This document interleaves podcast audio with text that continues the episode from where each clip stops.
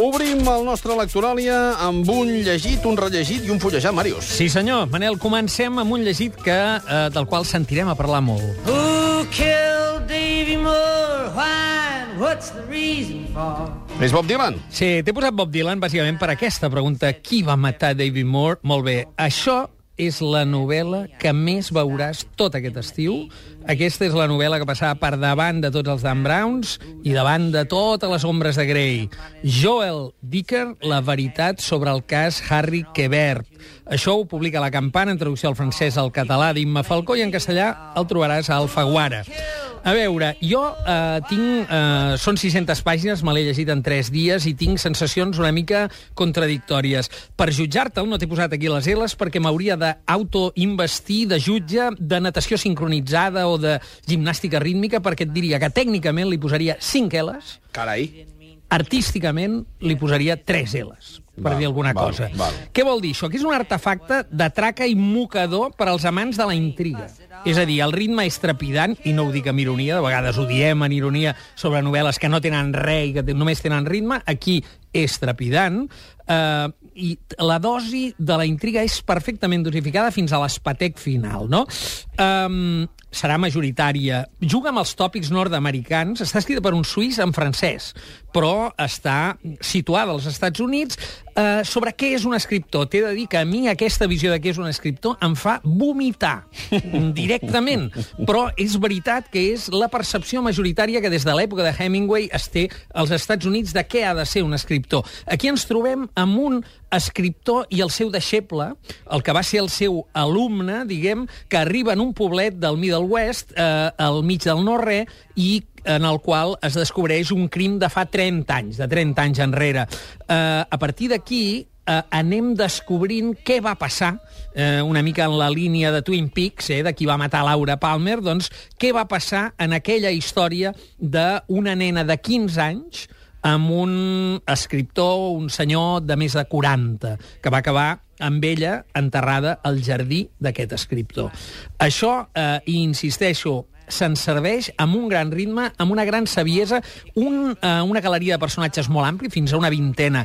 Quin és el preu? Home, el preu és que renuncia a l'estil, renuncia a prof- a aprofundir excessivament en la galeria d'aquests personatges, eh, renuncia a qualsevol complexitat, però serà molt eh, ben llegida per aquella gent que busca eh, trames clares, sense dubtes, amb diàlegs, amb una narració elèctrica i a qui no els faci vomitar la idea d'un escriptor com algú que ha de ser una gran estrella mediàtica que vengui els seus drets de la propera novel·la per milers de milions de dòlars en un model que aquí a Europa, diguem, no és el majoritari, no?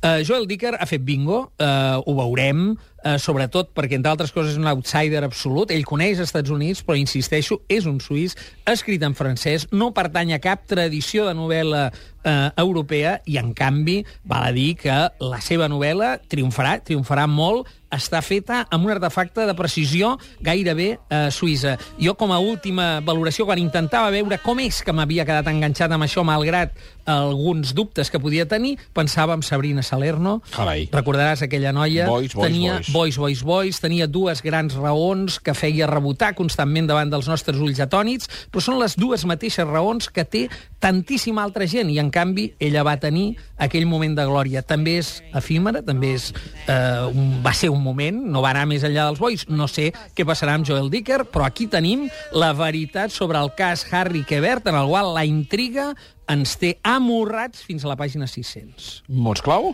Amèrica profunda, crim, amor prohibit, ambició, intriga, Philip Roth, homenatge explícit de l'autor, Nabokov, poc, malgrat totes les al·lusions a Lolita i els Sí. 15 anys, poc Nabokov, i més aviat Twin Peaks, que altra cosa, qui va matar Laura Palmer? Doncs aquí, què va passar amb Harry Quebert? El rellegit. Rien de rien. Edith Piaf. Sí, això és una mica com un antídot, eh, com un antídot a la vena per a lectors que no se sentin eh, propers a la veritat sobre el cas Harry Quebert, que s'ha de llegir, d'altra banda, El gabinet dels antics d'Honoré de Balzac.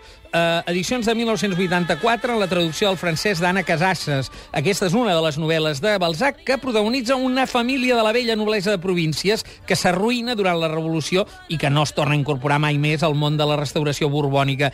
És la història d'algú que viu com una relíquia del passat, eh, algú que també eh, viu, eh, eh, mm, diguem, el canvi de ritme, en aquest sentit lliga amb la, amb la novel·la de, de, d'en Decker, però eh, que tanmateix l'hereu d'aquests eh, marquesos de la Casa d'Esgrinyon acaba fent a París una vida dissipada que acaba perjudicant de la seva família davant els emergents que són els liberals del poble en aquella època. Una novel·la clàssica, poc coneguda, d'Honoré de Balzac, per primer cop en català, per edicions 1984, amb una bona traducció d'Anna Casasses, El gabinet dels antics. Mots clau? Aristocràcia, passat, fòssil, decrepitud i províncies. Parole, parole, parole. Parole, parole, de Mina i Alberto Lupo. Sí, això és per al fullejat d'avui. A veure, és aquest totxo que t'he portat aquí, que és el volum novè de les obres completes de Pompeu Fabra, direcció de Jo- Jordi Mir i Joan Solà.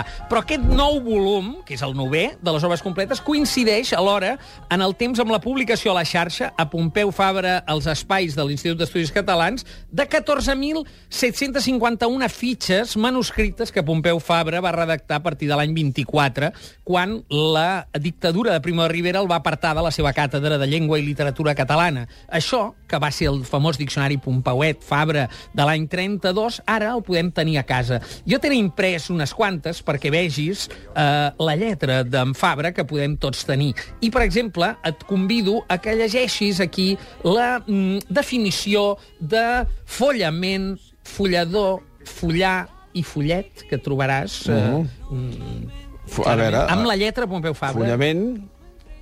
Aquí què posa? Bojament. Bojament. Follador, folladora, el qui folla. Follar... Què posa aquí? Trepitjar, prema, Prema, aixafar... trepitjant. Raïm, és a dir, fer la barema. Sí. Eh? És a dir, eh, la frase que mítica que després va cantar Pau Riba diu... Avui fem la barema i demà follarem. Exactament. Eh? És, a- és a dir, això ho podem tenir a casa, això ho escrivia als anys 20, amb Pompeu Fabra. Podem buscar de tot. Per exemple, de buscar ràdio, també. Ràdio. Any no té res a 24. veure un amb l'altre, no? No, la paraula? No, en principi no. En principi Ara va no. cap a la R. Ràdio l'any 24, mira què era. Posa No sé si la lletra... No l'entenc. No l'entens, jo també. abreviació del món radiotelefonia. Exactament. Això era l'any 24 ràdio, diguem, amb els anys ha anat canviant, i, en fi, eh, moltes altres que cadascú es pot buscar, les que li interessin. Eh, Pompeu Fabra, ara també manuscritament a casa a través de l'espai de l'Institut d'Estudis Catalans. Màrius, moltes gràcies. A reveure!